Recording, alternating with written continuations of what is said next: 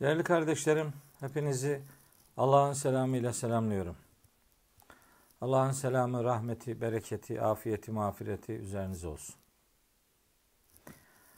Bugün beşincisiyle huzurlarınızda bulunduğum beş soruya cevap diye belirlediğimiz programımızda sizlere yine beş soruyu cevaplandırmaya e, gayret edeceğim inşallah. Cenab-ı Hak'tan niyazım e, önce bana söyleyeceklerimi doğru söyleyebilmeyi lütfeylemesidir. Sonra da sizlere doğru dinlemeyi, doğru anlamayı ve hepimizin de doğru yaşamamızı nasip ve müyesser etmesidir. Kıymetli kardeşlerim, bu akşam için belirlediğimiz soruların birincisi e, yani zihinleri çok meşgul eden ve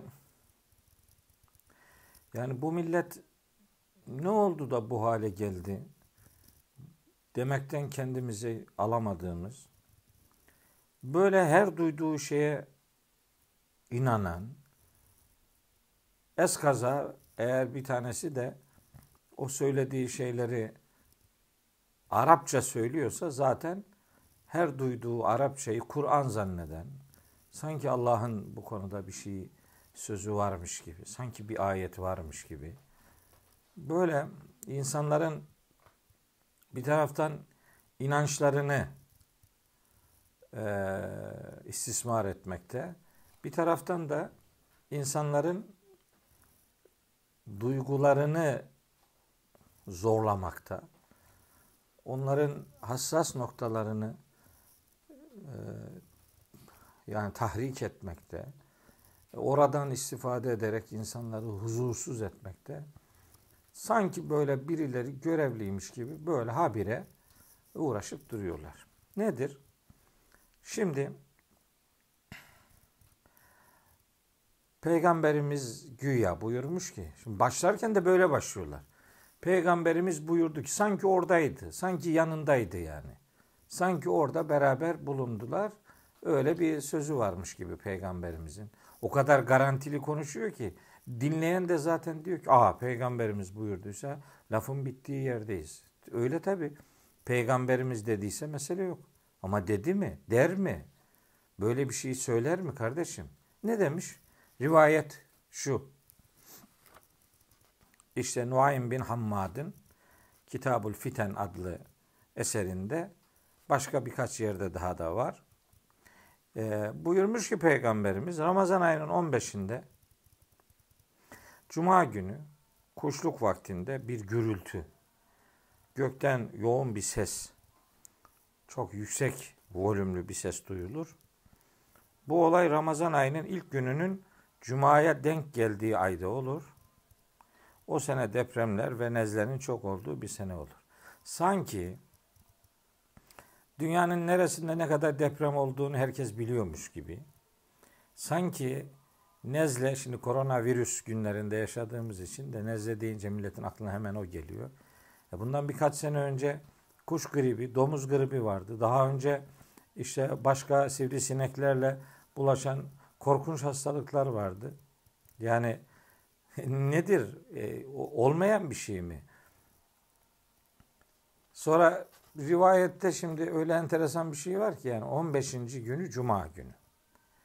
15. günü cuma günü öyle onun bir de birinci günü cumaya gelirse işte bu olacak.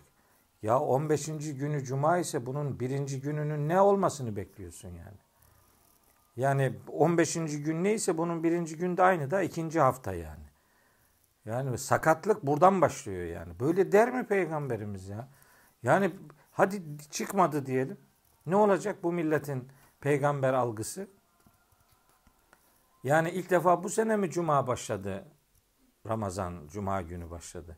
İlk defa bu sene mi birinci günü cuma olduğu için 15. günü de cuma gününe gelecek olan Ramazan 1400 senedir bir, bir bu sene mi yani?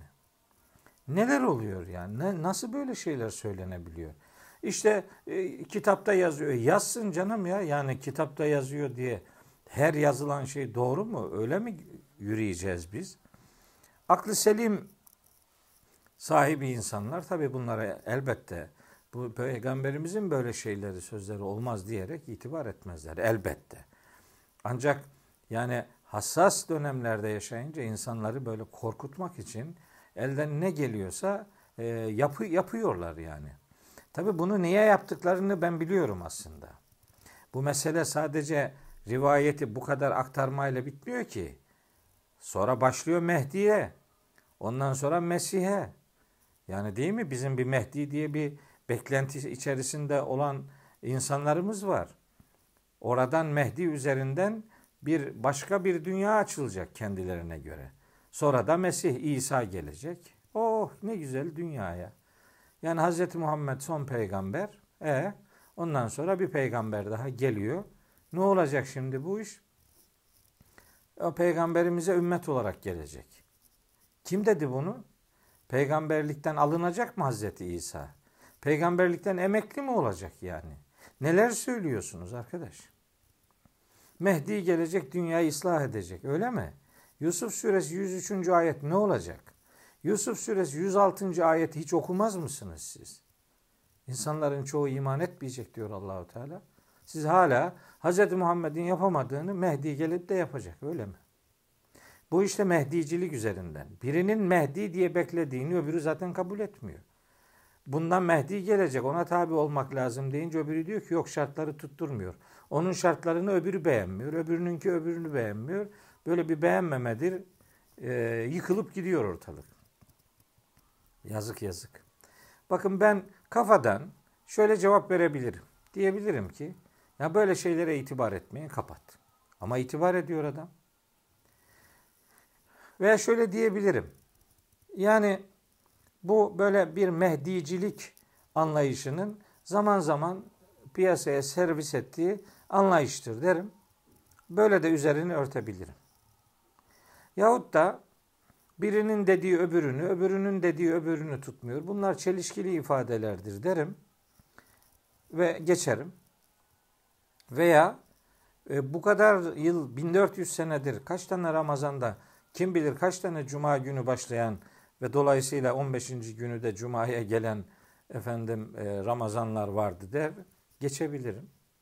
Sonra neden bu tehditler hep Müslümanlar üzerinden yürüyor? Dünya üzerinde Müslüman olmayan milyarlarca insan var. Hiç onlarla ilgili kimse bir şey demiyor. Önüne gelen Müslümanlar üzerinden böyle bir tazik ortaya koyuyor. Bu mesajlar sadece Müslümanları da yani ortalığı kırıp göç, geçirecek o büyük gürültü sadece Orta Doğu'da mı olacak? Yani Doğu'da olmayacak mı? Uzak Doğu'da, e, Batı'da, Afrika'da, Güney Amerika, Kuzey Amerika, Avustralya, Sibirya bilmem Avrupa filan. Yani insanlığın en azgınları Müslümanlar mı? Bütün tehditler böyle Müslümanlar üzerinden yürüyor diye böyle de karşı gelebilirim. Veya şunu da yapabilirim. Gerçi bunu ben yapmayayım. Yapan bir arkadaşa göndermede bulunayım. Kime? İşte Diyanet'te Din İşleri Yüksek Kurulu'nda uzmanlık yapan bir arkadaşın bu rivayetle alakalı e, dile getirdiği, yaptığı bir çalışma var. E, Halit Kılıç diye bir arkadaş. O güzel tespitlerde bulunmuş.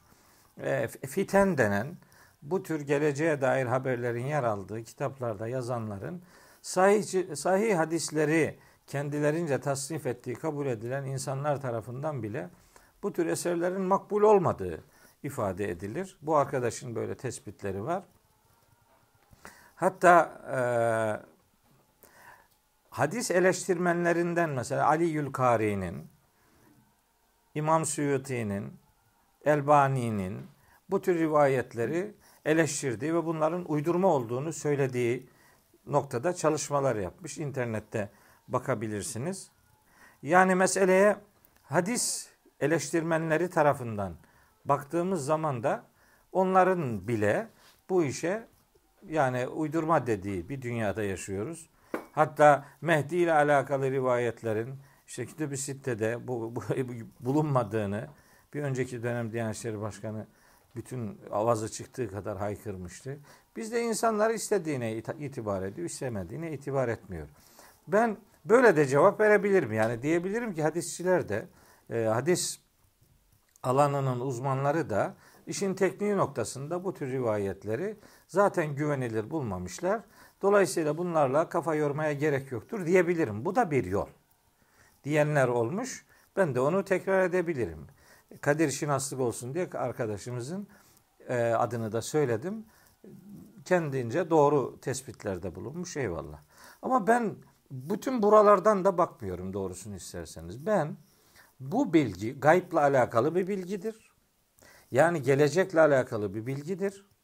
Yüce Allah Kur'an'da Neml suresinin 65. ayetinde göklerde ve yerde Rabbimizden Allah'tan başka hiç kimsenin gaybı asla bilemeyeceğini ilan ediyor.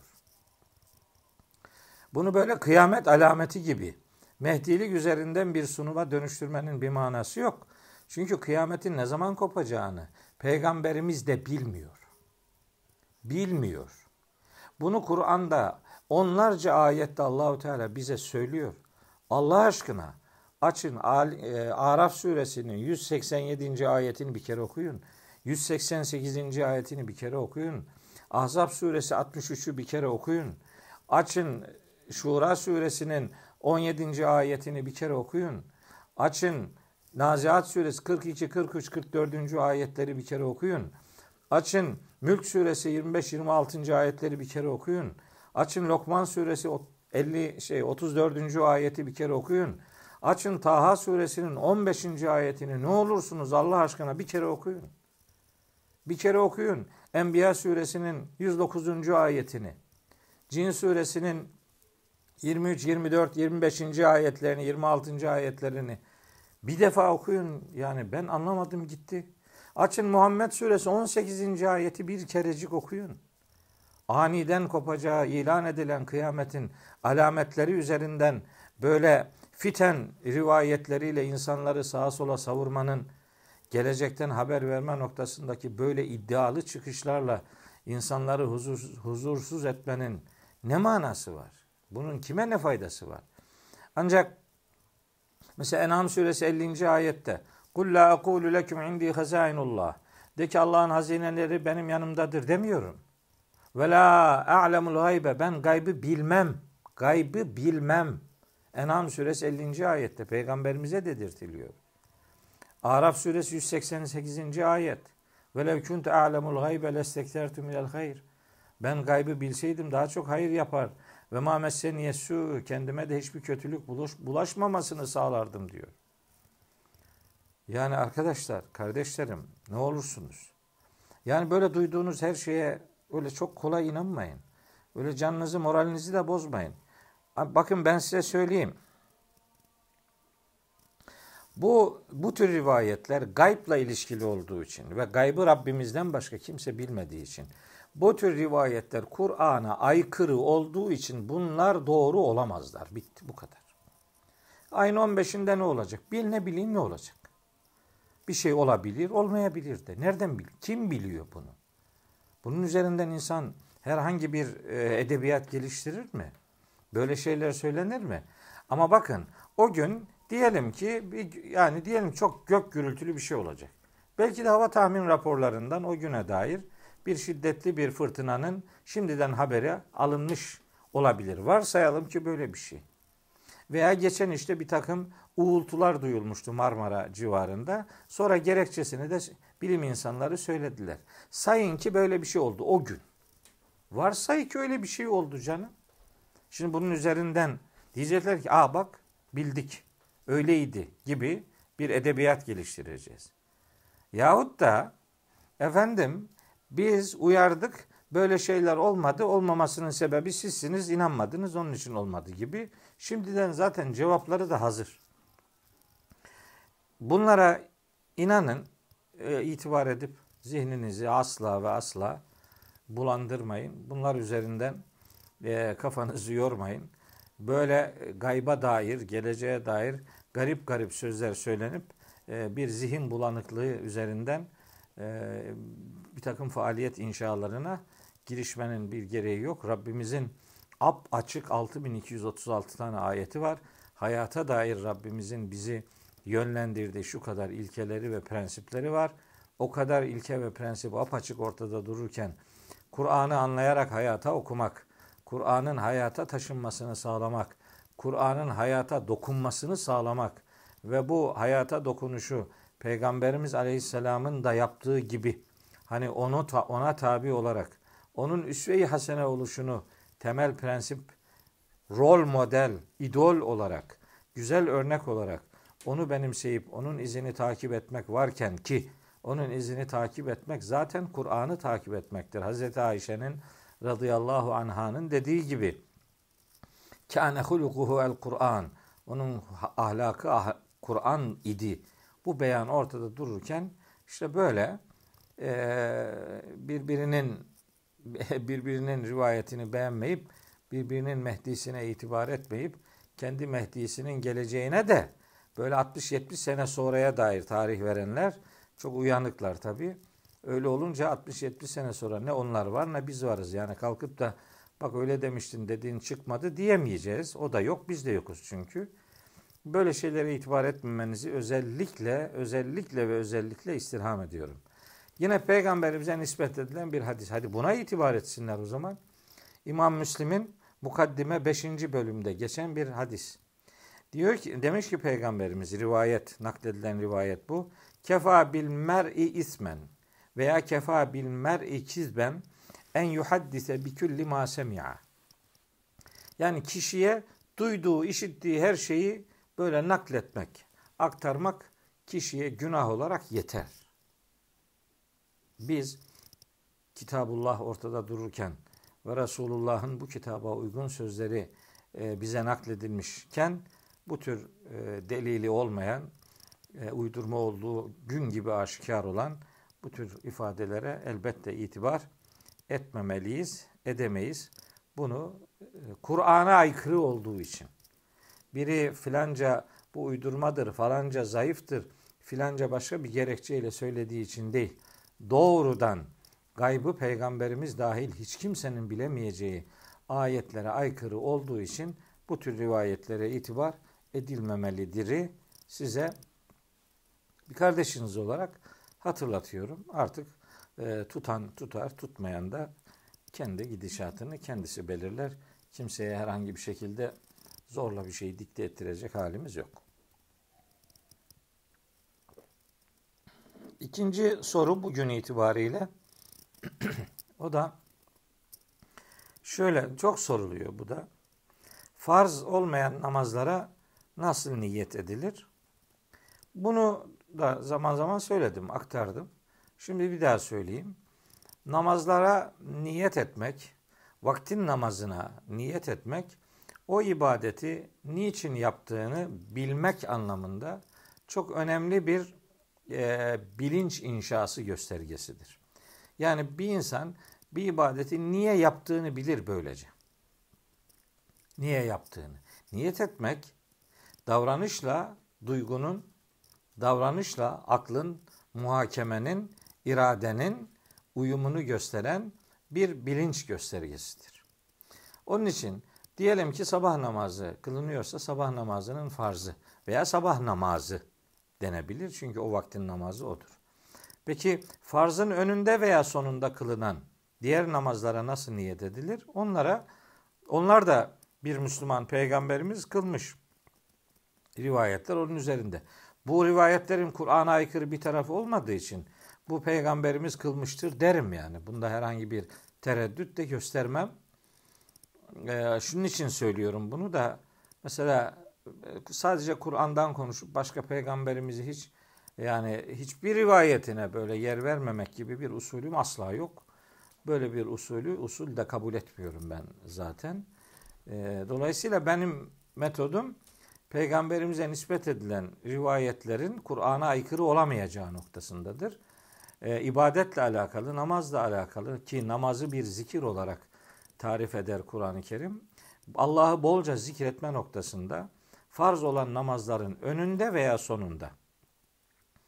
Vakit namazlarının önünde veya sonunda veya vakit namazlarından bağımsız olarak işte işrak vakti, işte kuşluk vakti, işte ne bileyim e, akşam namazından sonra işte evvabin denen veya işte teheccüd dediğimiz gece uykuya ara verme zamanı kılınan ya da başka zamanlarda kılınan namazların genel adı nafile namazlardır.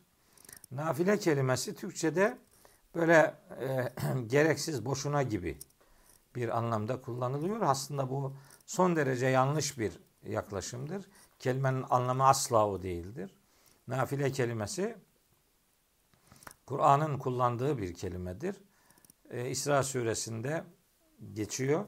Nafileten lek 79. ayet. Sana ekstra ilave olarak üzerine üzerine yani e, fazladan olarak gereksiz demek değil ilaveten yani ilaveten kıldığımız namazlar bunlara Allah rızası için diye niyet edilir. Yani bunlara sünnet diye niyet etmek veya vaktin adını söylemek doğru değil. O vakitte namaz kılmak sünnettir. Namazın adı sünnet değil yani. Peygamberimiz onlara niyet ederken işte sabahın sünnetine diye niyet etmiyordu. Öyle bir şey yok. Şimdi buna niyeti doğru yapın diyorum ben. Ve arkamdan diyorlar ki işte sünnete karşı. Ya kardeşim sünnete karşı filan değilim ben. Niye sünnete karşı olayım ya? Ya böyle bir şey olabilir mi? Ben aklımı mı yedim yani? Ama senin kıldığın namaz peygamberimizin yaptığı niyete uygun olsun diyorum. Sana namaz kılma diyen yok ki daha çok kıl. Benim yaptığım dini anlatımlarda daha beleş bir nokta bulabilene aşk olsun. Ben daha e, milletin anlattıklarına göre eğer bir mukayese yapılacaksa benimki daha zor yani. Ben yolculukta namazların kısaltılamayacağına inanan bir adamım. Ben e, basit hastalıklarla orucun tehir edilemeyeceğine inanırım. Ben e, başka mesela e, ne bileyim vakitlerin birleştirilebileceği noktasında esnek bakanlara itibar etmeyen bir adamım. Yani ben e, milletin kardan zekat verilir dediği yerde maldan zekat verilir diyelim biriyim. En iyi ihtimalle kurban vaciptir veya genelde kabul edildiği gibi sünnettir diyenlere karşı ben kurban farzdır diyen bir adamım. Sadaka sünnettir diyenlere karşı ben sadaka vermek farzdır diyorum. E, milletin e, işte fedakarlıklarla ilişkilendirdiği bir takım eylemleri ben imanla ilişkilendiren biriyim. Yani nasıl oluyor da yani bizimki benimki daha gevşek değil kimse kusura bakmasın. Ben bir adama ibadet etme demem. Daha çok kıl. İşte teravih namazı bak. Teravih namazı namazın adı değil ya. Teravih rahat rahat ağır ağır kılınan namaz demektir. Namazın adı değil. O namaz nafile bir namazdır. İşte isteyen 20 kılar, isteyen 40 kılar canım. İsteyen 10 kılar, isteyen 8 kılar, isteyen 2 kılar. İlle de kılsın. Yani ibadet etmenin bir zararından söz edilebilir mi? Yeter ki Allah rızası için olsun. Allah rızası için, Allah rızasını merkeze alan bir duruşla ibadet yapılıyorsa nihayetinde benim ona söyleyecek en ufak bir sözüm olamaz. Ben daha çok ibadetten ve daha çok fedakarlıktan yana dini sunumlarını şekillendiren bir kardeşinizin bunun ötesinde başka yakıştırmaları bana yapılmış bir iftira olarak görürüm. Ve o iftira atanların da hesabıyla mahşerde Rabbimin huzurunda buluşacağımızı çünkü onları Allah'a havale ettiğimi buradan bir daha ilan etmek istiyorum. Evet, yani farz namazlar hariç diğer namazlara nafile diye Allah rızası için diye niyet edilmeli ve öyle kılınmalıdırlar kılmak isteyenler için. Benim sunumum budur. Bunun üzerinden başka bir sonuç çıkartmaya lüzum yok. Üçüncü soru işte cehennemden çıkış var mı? Bu da çok çok sorulan bir soru. Ben tabii bununla ilgili uzun uzadıya programlar yaptım. Aslında işte YouTube'a yazılırsa bunlarla alakalı benim konuşmalarım mutlaka karşılarına gelecektir. Ben Kur'an-ı Kerim'e e, talebe bir insanım. Kur'an-ı Kerim'den öğrendiklerimi hayatıma taşımaya gayret ediyorum. Bu noktada bir defa e, Müslüman olarak ölebilen insanların Allah'ın izniyle cehenneme gitmeyeceklerini çünkü insan ya mümin olarak ölür ya kafir olarak ölür. Mümin olarak ölmüş olan insanlar Eğer günahları varsa ki hepimizin var. Var da kardeş Allahu Teala bütün günahları bağışlayabileceğini söylüyor. Allahu Teala'nın bağışlama sıfatını niye ıskalıyoruz? Niye onu görmezlikten geliyoruz? İşte Zümer suresi 53. ayet açık. Allah'ın rahmetinden ümit kesmek küfürdür, sapkınlıktır der Hazreti Yakup Yusuf suresi 87. E, ayette ve Hazreti İbrahim de Allah'ın rahmetinden ümit kesenlerin sapkınlar olduğunu söylüyor. Hicr suresinin 56. ayetinde. Peki Nisa suresinin 48 ve 116. ayetlerinde Rabbimiz şirk hariç bütün günahları dilediğine bağışlayabileceğini söylüyor ki oradaki şirkten maksat da şirk üzere ölmektir. Kişi kafir olarak ölmemişse, şirk üzere ölmemişse, mümin olarak ölebilmişse ki Ali İmran suresinde Allahu Teala buyuruyor ki فَلَا تَمُوتُنَّ illa ve entum müslimun. Ne yapıp edin Müslümanlar olarak ölün. فَلَا تَمُوتُنَّ illa ve entum müslimun. Ali İmran suresi 101. 102. ayette benzer bir ifade Bakara suresinde Hazreti Yakub'un oğullarına yönelik nasihatinde de yer alır. Aman ha Müslümanlar olarak ölün. Bakara suresi 132. ayet. Peki günahlar olunca ne olacak? Bir, Allahu Teala bağışlayabilir. İki, günahların cezasının cehennemde çekilmesi diye mutlak bir kural yok. Azap denen kelime tadını kaçırmak demektir. Azbun tatlı demektir. Azzebe, yuazzibu, uazzibu, tazip tadını kaçırmak demektir. Adamın öldükten sonra ruhunun durumu, hatta ölüm biçimi. Öldükten sonra ruhunun durumu, diriltilirken yaşayacağı korku. Amel defteriyle yüzleştiğinde, amel defterinde yazılanları gördüğünde yaşayacağı sıkıntılar. Amelleri tartılırken yaşanacak sıkıntılar. Allahü Teala'nın kararı beklenirken yaşanacak sıkıntılar. Hatta Araf'ta cehennemlikler tarafına baktırılarak oradaki felaketin ne olduğuna şahit kılınan insanlar. Bu süreçlerde yaşanacak sıkıntılar bir azap biçimidir. Ama cehenneme giren Kur'an'ın ap açık ifadeleriyle oradan bir daha çıkamaz. Ve oraya da inşallah Rabbimiz iman ederek imanlı ölen insanları inşallah cehennemine atmayacaktır. Bu bir gevşeklik sebebi olmamalıdır. Kur'an-ı Kerim'de sakın ha o çok aldatıcı şeytan sizi Allah'la aldatmasın der. Allah'ın affedebileceği bir hayatı yaşamış olmak lazım.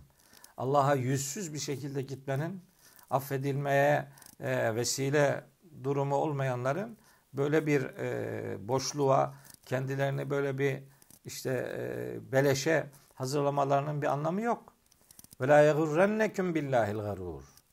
Bu birkaç yerde geçiyor Kur'an-ı Kerim'de, Fatır suresinde e, vesaire. Lokman suresinde de geçiyor, Hadid suresinde de geçiyor. Allah'la aldatmamak gerekir. Efendim illa bir cezasını görmesi lazım filan diye ifadeler var. Bu cezanın dediğim gibi cehennem dışında da başka şekillerde uygulanabilme durumu var. Kur'an'da cehennemin ebedi olduğunu gösteren bir sürü ayeti kerime var. Onları okumaya bile gerek e, görmüyorum. Bir defa Kur'an okuyanlar bunları bilirler. Ancak birkaç gün yanar çıkarız türünden bir şey, bir e, algının Bakara suresi 80. ayet ile bu ayeti okumanızı istiyorum. Bakara suresi 80. ayetle Ali İmran suresinin 24. ayetlerini bir okumanızı istiyorum. Rica ediyorum. Şu Ramazan akşamında şimdi açın Bakara 80 ve Ali İmran 24'ü bir okuyun. Bakın birkaç gün yanar sonra çıkarız sözü kime ait sözdür ve bu tür bir söze Cenab-ı Hakk'ın verdiği cevap nasıldır? Onu bir e, görmenizi ayetlerden kendinizin görmenizi e, rica ediyorum. Şimdi bir şey daha söyleyeyim. Banka promosyonları ile alakalı bir e, soru geliyor. İşte emeklilerin veya normal maaş alan insanların e, banka promosyonları yani bu bir hak edişin karşılığı e, değil. Bir para üzerinden yapılan bir gelir e, kaydı gibi görünüyor. doğrudan haramdır diyemem. Yani onun için işleyişi tam bilmediğim için doğrudan pat diye böyle haram kelimesini öyle rahat rahat elbette kullanamam. E, ve fakat en azından şüpheli bir şey olduğu için en azı şüphe taşıdığı için bu şüphe nedeniyle bu tür promosyonların e, alınmasını ama onu garibanlara dağıtmak gerektiğini bu vesileyle söylemiş olayım. Bir beşinci soru olarak da bir mezhebe bağlanmak zorunlu mudur diye bunu şöyle benzetiyorum. Bu ehliyeti olup arabası olan adamla ehliyeti olmayıp arabası da bulunmayan insanların durumuna benzetiyorum. Yani ehliyeti var bir adamın, arabası da varsa kendi arabasıyla gideceği yere gider. Efendim ehliyeti yok, arabası da yoksa başka birinin e, işte aracıyla hareket eder. Mezhep böyle bir şey birinin yolunu takip etmek demektir. İslam fetihlerinden sonra yeni Müslümanlar e, coğrafyaya dahil olunca bu işin içerisinde İslam'ın kaynağıyla yani Kur'an'la ve onun tebliğcisi Hazreti Peygamber'le birebir karşılaşamadıkları için e, bu yeni insanların, yeni Müslüman olan insanların dini hayatlarını yürütme noktasında sıkıntı çektikleri bir dönemde ki bu tabiun ve ondan sonraki dönemdir. O dönemlerde e, dinin yorumlanması veya hayata taşınması noktasında belli insanların işte fikirleri daha sonra ekolleşmiş, mezhepleşmiş. Bu alimlerin hiçbirinin iddiası mezhep kurmak değildi. Daha sonra gelenler o görüşleri ekolleştirdiği, okullaştırdığı için böyle bir mezhep geleneği iki türlüdür tabi. Bunların bir inançla alakalı olan var, bir uygulamayla alakalı olan var. Daha çok uygulamayla alakalı olan da bir sorun olmadığını düşünüyorum. Kendisi Kur'an'ı iyi bilen bir insan ve peygamberimizin hayatını uygulamalarını kaynağından çok iyi tarif edebilen, çok iyi yürütebilen bir insanın herhangi bir mezheple anılmasına lüzum yoktur. Ancak böyle bir gücü olmayan birinin birinin görüşleriyle efendim dini algısını şekillendirmeye gayret etmesine mezheplilik diyoruz. Bir insan sıkıntıdan ve mazeretten dolayı mezhepli olabilir. Ancak bir insan ne sebeple olursa olsun mezhepçi olmamalıdır. Mezheplilik başka bir şeydir. Mezhepçilik başka bir şeydir. Mezhepçilik tam bir felakettir. Ümmetin darma duman olmasının, birbirini boğazlamasının, birbirine hayat hakkı tanımamasının en önemli sebeplerinden bir tanesidir. O itibarla ben Müslümanların her birinin ehliyeti olup kendi arabasıyla e, yürümesinden yanayım. Ama değilse de bunun bir zorunluluk olduğunu ama ideal olmadığını özellikle ifade edeyim. Bugün itibariyle söylemlerimi de böyle 33 dakikada sizlere aktarmaya gayret ettim. Ee, Allah hepinize, hepimize hayırla yaşayacağımız bir ömür nasip etsin. Yarın akşam görüşmek üzere inşallah.